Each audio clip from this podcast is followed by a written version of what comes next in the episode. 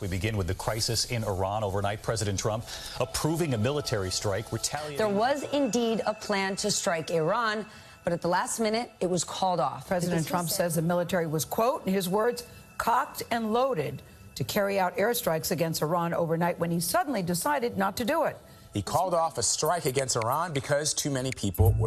Nové sankce, hrozby vojenským úderem, obvinění z agrese a nepřátelství. Mezi Spojenými státy a Iránem se vyostřují vztahy. Jak jsme se dostali do bodu, kdy byl americký prezident okamžik od schválení leteckého úderu na Irán? Může současná situace přerůst v otevřený konflikt? Je středa 26. června, tady je Lenka Kabrhelová a Vinohradská 12, spravodajský podcast Českého rozhlasu. Já myslím, že jsme svědky přetahování, přetlačování mezi politiky, mezi dvěma státy, které mají nějaké aspirace, hodně bazírují na své národní i individuální cti, tudíž spíše vidíme ukazování svalů, než že by někdo chtěl opravdu jít do války. Břetislav Tureček z Metropolitní univerzity v Praze, bývalý zpravodaj Českého rozhlasu na Blízkém východě. Americký prezident Trump na poslední chvíli podle deníku The New York Times odvolal útok na Irán. Pouhých deset minut dělilo svět od další velké vojenské konfrontace. Americký prezident Donald Trump zastavil právě deset minut před plánovaným zahájením útok na tři cíle v Iránu, který měl být odvetou za sestřelení nepilotovaného amerického dronu před pár dny. Vojenský útok proti Iránu by podle Donalda Trumpa nebyl přiměřenou reakcí na sestřelení bezpilotního dronu. Podle Teheránu narušil americký dron ve čtvrtek jeho vzdušný prostor. Podle Spojených států byl v mezinárodním prostoru. Trump řekl, že při odvetném útoku na tři různé cíle by zemřelo 150 lidí. Spojené státy kybernetickým útokem vyřadili z provozu iránské raketové systémy. S odvoláním na své zdroje to píše agentura AP. Amer- Útok na iránské počítačové sítě podle deníku Washington Post zasáhl raketové systémy iránských revolučních gard a vyřadil je z provozu. Právě tyto gardy Washington obvinuje z nedávných útoků na ropné tankery. Stály také za sestřelením amerického dronu nad Ománským. Irán se musí vypořádat s dalšími sankcemi ze strany Spojených států. Prezident Donald Trump podepsal příkaz namířený proti iránským vojenským předákům i duchovnímu vůdci Alímu Chamenejímu. Mají ho odříznout od hlavních finančních zdrojů, které údajně slouží k financování revolučních gard. Cílem sankcí je také ještě více zasáhnout chřadnoucí iránskou ekonomiku. Uvalením sankcí na nejvyššího vůdce Iránu Ajatoláha Ali Chameneiho si Spojené státy trvale uzavřely možnost diplomatických jednání. Na Twitteru to napsal mluvčí iránského ministerstva zahraničí. Jak jsme se dostali až sem do situace, která se zdá tedy tak vyhrocená? Možná to řeknu v trochu delší perspektivě. My jsme viděli dlouhou řadu let, kdy jak ve Spojených státech za vlády Baracka Obamy, tak v Iránu se pomalu dostávali ke slovu tábory, které naopak usilovaly o smír, o nějaké kompromisní řešení. Samozřejmě i tehdy to bylo při zachování vlastní tváře, ale bez urážení a ponižování protivníka. Toto kulminovalo uzavřením té známé mezinárodní dohody o omezení iránského jaderného programu výměnou za zrušení většiny mezinárodních protiiránských sankcí. Svět se dohodl s Iránem na omezení jeho jaderného programu. Od příštího roku začne Teherán zavírat některá svá jaderná zařízení. OSN a západní země za to uvolní ekonomické sankce. Někteří světoví politici mluví o dohodě v superlativech. Iránský prezident Hassan Rouhani mluví o nové kapitole vztahů se světem. Mám velkou radost, že Iránská islámská republika dospěla po 23 měsících jednání k tomuto klíčovému okamžiku. Dohodu ale kritizuje iránská i americká konzervativní opozice. I tehdy v obou těchto zemích, ale i třeba v Izraeli a v Saudské Arábii a let kde jinde existovaly tábory, lidé, kteří naopak chtěli jít konfrontační cestou k nějakému zúčtování. Oni byli v defenzivě. A teď v posledních, řekněme, dvou letech naopak vidíme, že nabírají dech, že ten tábor hledačů kompromisu je v defenzivě a proto jsme dnes tam, kde jsme dlouho nebyli. Jak tedy rozumíš tomu kroku iránského režimu, který se pustil tím sestřelením amerického dronu asi do velmi riskantního kroku?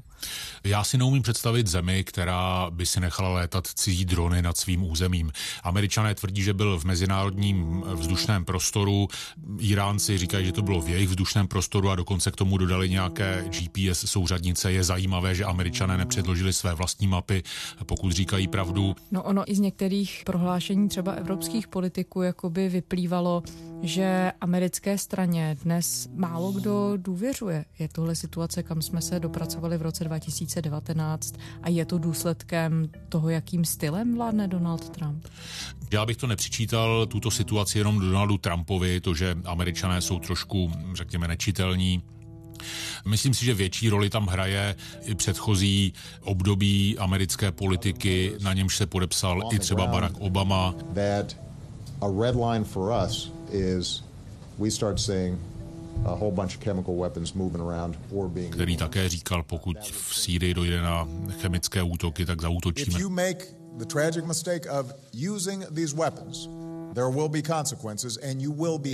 Nakonec z toho v podstatě nic nebylo.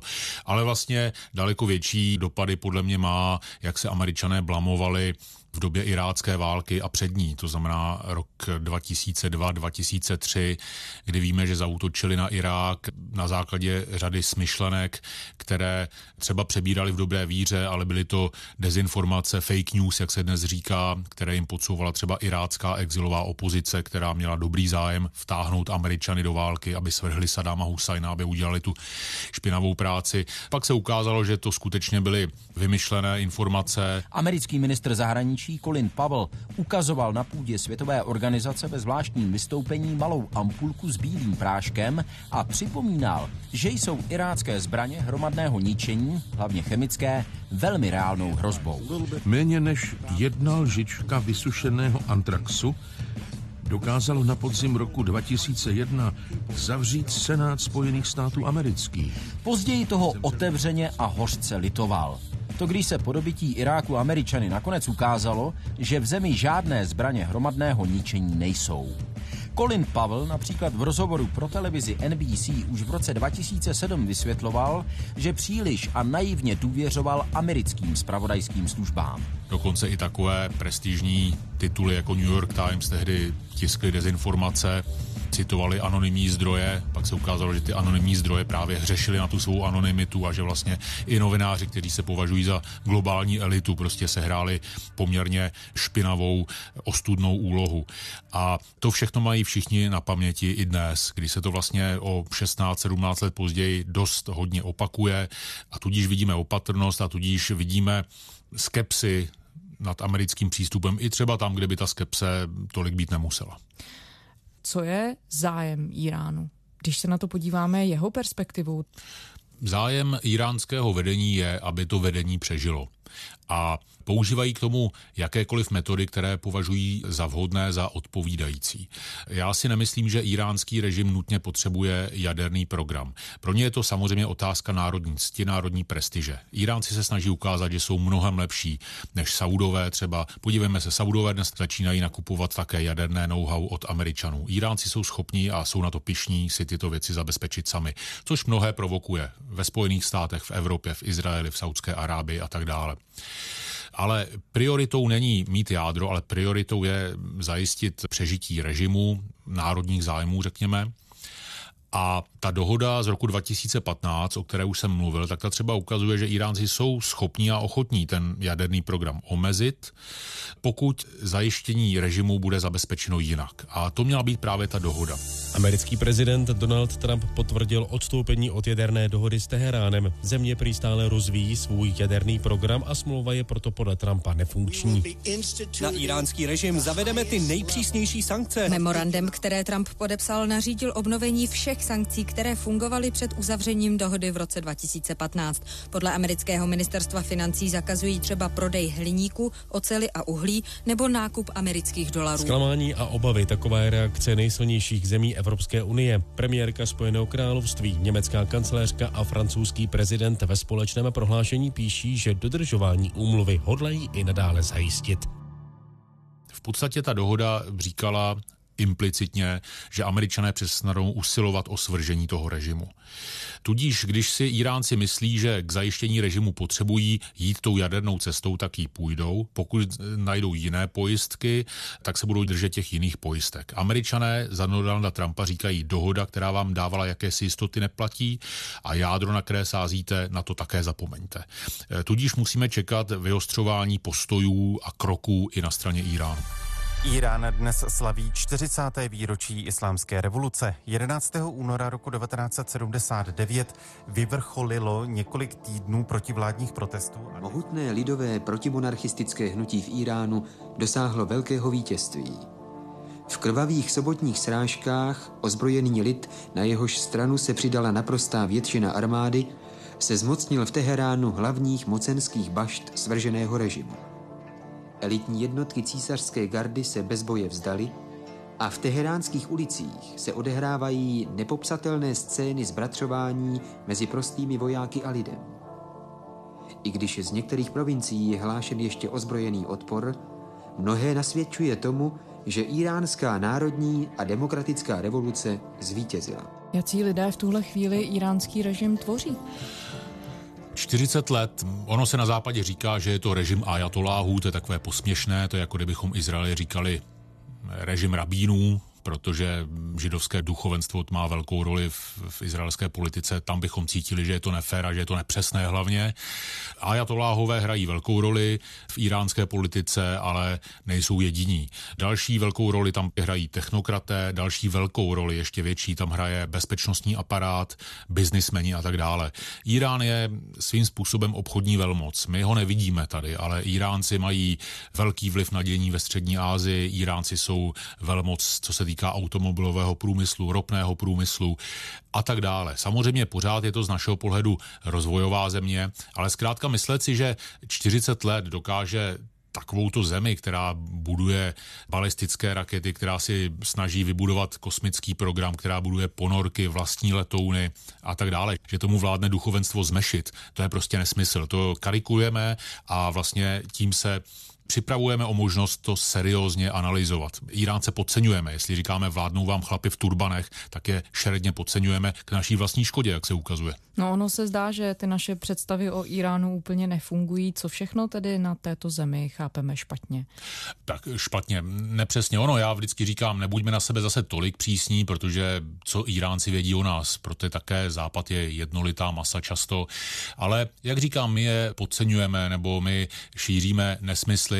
Já tu zemi cestuji do ní od roku 96 a kolikrát už jsem za tu dobu slyšel, že nejvyšší vůdce Ayatollah Khamenei je nad hrobem, že umírá na rakovinu, řekli zasvěcené spravodajské zdroje z Izraele a tak dále. No a Khamenei pořád žije a teďka na něj americký prezident zavedl nové sankce, takže asi nemáme úplně přesné informace. Dále možná podceňujeme zkrátka to, že i když v té zemi je hodně lidí, kteří nemají režim rádi, jsou tam lidé, kteří mají rádi večírky, nechtějí se ženy zahalovat, popíjejí alkohol, poslouchají západní hudbu, tak to prostě není celý Irán. To je ten Irán, který se domluví anglicky, ke kterému má cestu každý reportér, který nemluví persky, který do té země přijede. Podobně naladění Iránci mu rádi ukážou, podívej se, my jsme jako vy. A ten reportér, který neovládá perštinu, který nemá kontakty, nedostane se na venkov mezi jinak smýšlející, tak si myslí, že celý Irán je krok od další revoluce, od svržení toho režimu ajatoláhu, ale ono to tak prostě není. Po arabském jaru i řada lidí, kteří mají velké výhrady k tomu, jak ta země je spravována, tak se zalekli. Podívejte se, chtěli revoluci v Sýrii, v Libii, v Egyptě, v Jemenu a podívejte se, jak to tam dneska vypadá. To my nechceme, děkujeme. Takže byl tam dlouho takový konsenzus. Já tomu říkám trochu čínský model, kdy prostě vládne nějaká věrchuška, nějaký ten establishment, nábožensko-politicko-bezpečnostní, který pochopil, že chceli přežít, tak musí lidi nechat nosit make-up, oblékat si džíny, přivřít oči nad tím, že střechy domů jsou poseté satelity, ačkoliv je to tam zakázané. A ať si lidé hrají, ať se nám nepletou do politiky, ať si dělají biznis, ať cestují, Iránci smí běžně cestovat do zahraničí a tak dále. A díky tomu přežijeme. Tak si myslím, že to tam bylo dlouho nastavené a že většina Iránců nechce nějaký násilný zvrat, protože mimochodem oni dobře vědí a je zajímavé, že tuto otázku neotvírají západní novináři, co by přišlo, svrhneme režim a kdo ho nahradí. Dokáže někdo vyjmenovat nějaké opoziční činitele iránské? To je naprostý nesmysl. Jo, takže Iránci jsou mnohem blíže realitě, než si myslíme. Jak moc se na tom režimu podepisují ekonomické sankce, které postihují prakticky už všechna průmyslová odvětví? Ty si říkal, že Irán je schopný fungovat jaksi sám o sobě a být velmocí v tomto směru, jakým způsobem to dělá? Tak samozřejmě ty sankce toto velice silně podvazují. Prostě Irán je do velké rozhodující míry závislý na vývozu ropy, ropných produktů, zemního plynu a pokud američané nutí nejen své nepřátele, ale i své spojence, aby od Iránu nenakupovali, vlastně vydírá, můžeme říci, světové společenství, protože žádné mezinárodní sankce proti Iránu zakazující dovoz ropy nejsou, to jenom američané vlastně zakazují třetím zemím, aby v Iránu nakupovali, no tak dopady na iránskou ekonomiku a společnost to má veliké. Iránská ekonomika klesá, roste inflace, roste nezaměstnanost, inflace v desítkách procent, to se všechno ví. A režim do značné míry sází na to nebo kalkuluje s tím, že Donald Trump zůstane ve funkci jenom jedno funkční období. A že poté přijde nejlépe nějaký demokrat, ať už Joe Biden nebo někdo jiný, kdo zkrátka zase otočí výhybku jiným směrem, to znamená k nějakému tomu kompromisu, kdy postupně zase budou ty sankce zrušeny a Iráncům se začne dařit lépe.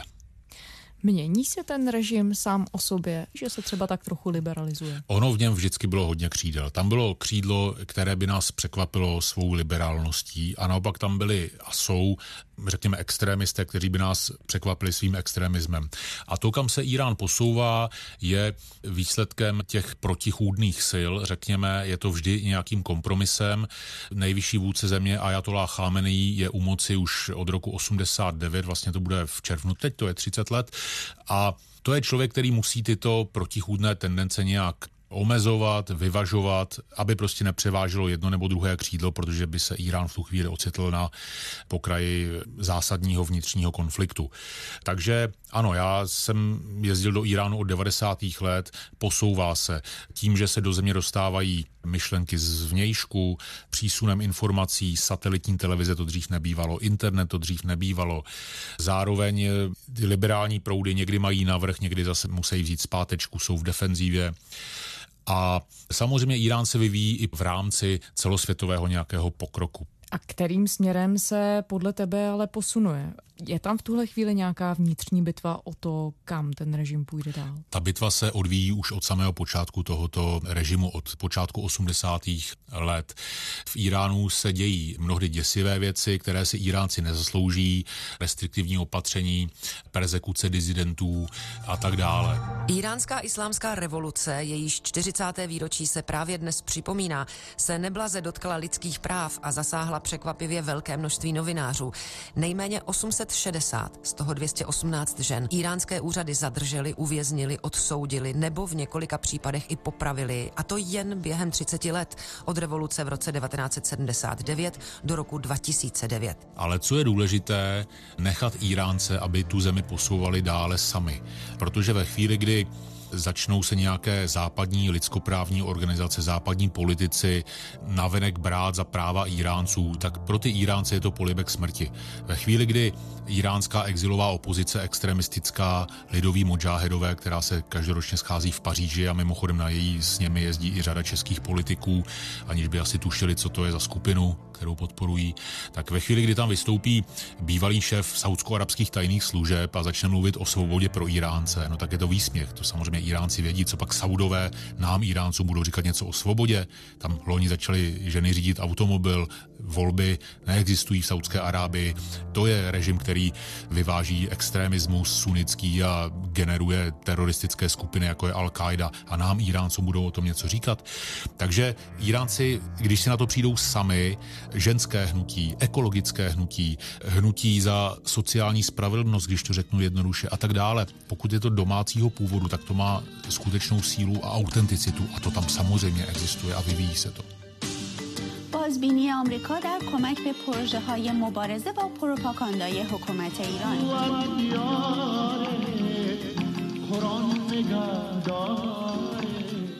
و چهلمین سال مرگ احمد ظاهر Roli mohou hrát média, třeba Svobodná Evropa, která vysílá z Prahy, ale i třeba BBC a tak dále. Ale bohužel velká část exilových skupin se zdiskreditovala minulostí nebo byla zdiskreditována režimem. Lidoví modžáhedové, kteří se tváří jako exilový parlament, exilové vedení země, exilová prezidentka Mariam their right to resistance against the religious dictatorship ruling Iran. Ta stála v čele skupiny, která v 80. letech pomáhala Sadamu Husajnovi v jeho útocích na Irán.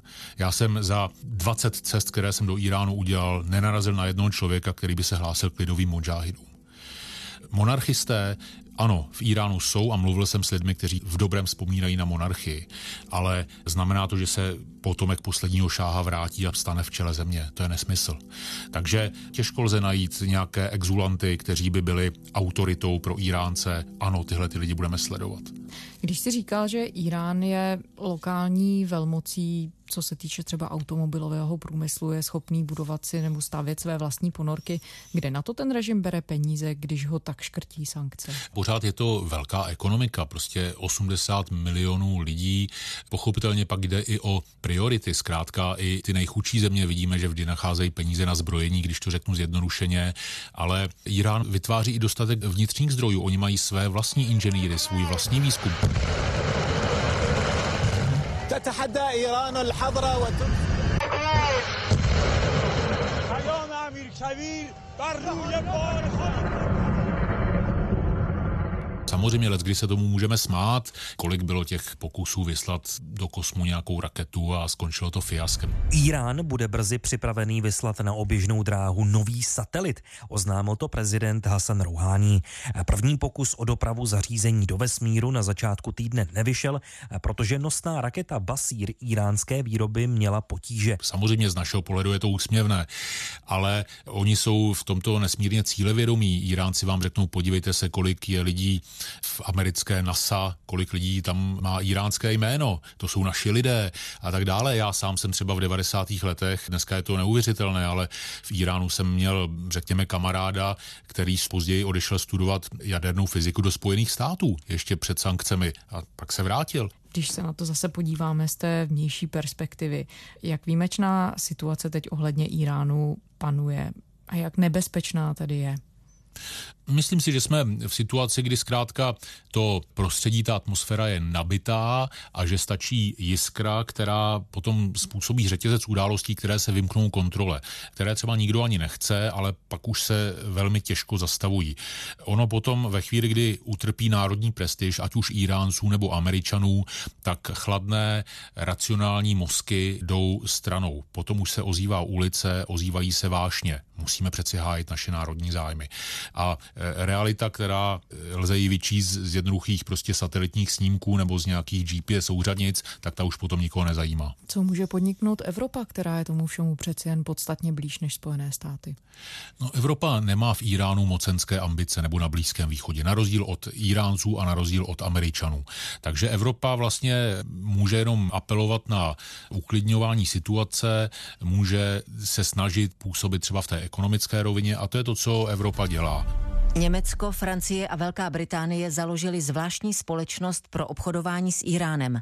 Jmenuje se Instex a podle severoněmeckého rozhlasu má vytvořit obchodní bránu a zmírnit tak sankce, které na Irán uvalily Spojené státy. Lídři tří evropských zemí vyzývají Spojené státy, aby nemařili dosažený pokrok ve vztazích s Iránem. Teherán vyzvali, aby i přes odstoupení Washingtonu od dohody dál plnil své závazky. Jen tak se budou moci obyvatelé Iránu těšit z ekonomických výhod. Evropané se snaží zachránit tu mezinárodní dohodu, kterou američané odložili tím, že chce Iránu poskytnout záruky. I bez Američanů ta dohoda bude fungovat, budete i přes americké sankce vám, my Evropané, chceme zajistit odbyt na mezinárodních trzích, jenom prosím vás, neodcházejte od té jaderné dohody. Protože ve chvíli, kdyby i Iránci řekli, po Američanech je to cár papíru, tak bychom byli v situaci, kdyby si mohli dělat v podstatě, co chtějí. A přece my jsme tu dohodu uzavírali, aby si Iránci nemohli dělat, co chtějí kdyby si mohli dělat, co chtějí,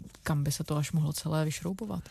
Myslím si, že ještě dále, než to bylo dříve, protože v Iránu ten tábor, který říkal, pojďme se se Západem dohodnout, vždy nám to přinese úlevu, zrušení sankcí, pojďme omezit náš jaderný program, tak ve chvíli, kdyby tohle všechno vybuchlo a zmizelo, tak najednou tento tábor by byl v defenzívě. A on už je, protože ti radikálové iránští říkají, podívejte se, vy jste nám slibovali, že když budeme dodržovat dohodu, tak zmizí sankce, ale ty sankce jsou ještě horší, než byli předtím. Tak proč bychom to měli dělat? Proč se máme omezovat?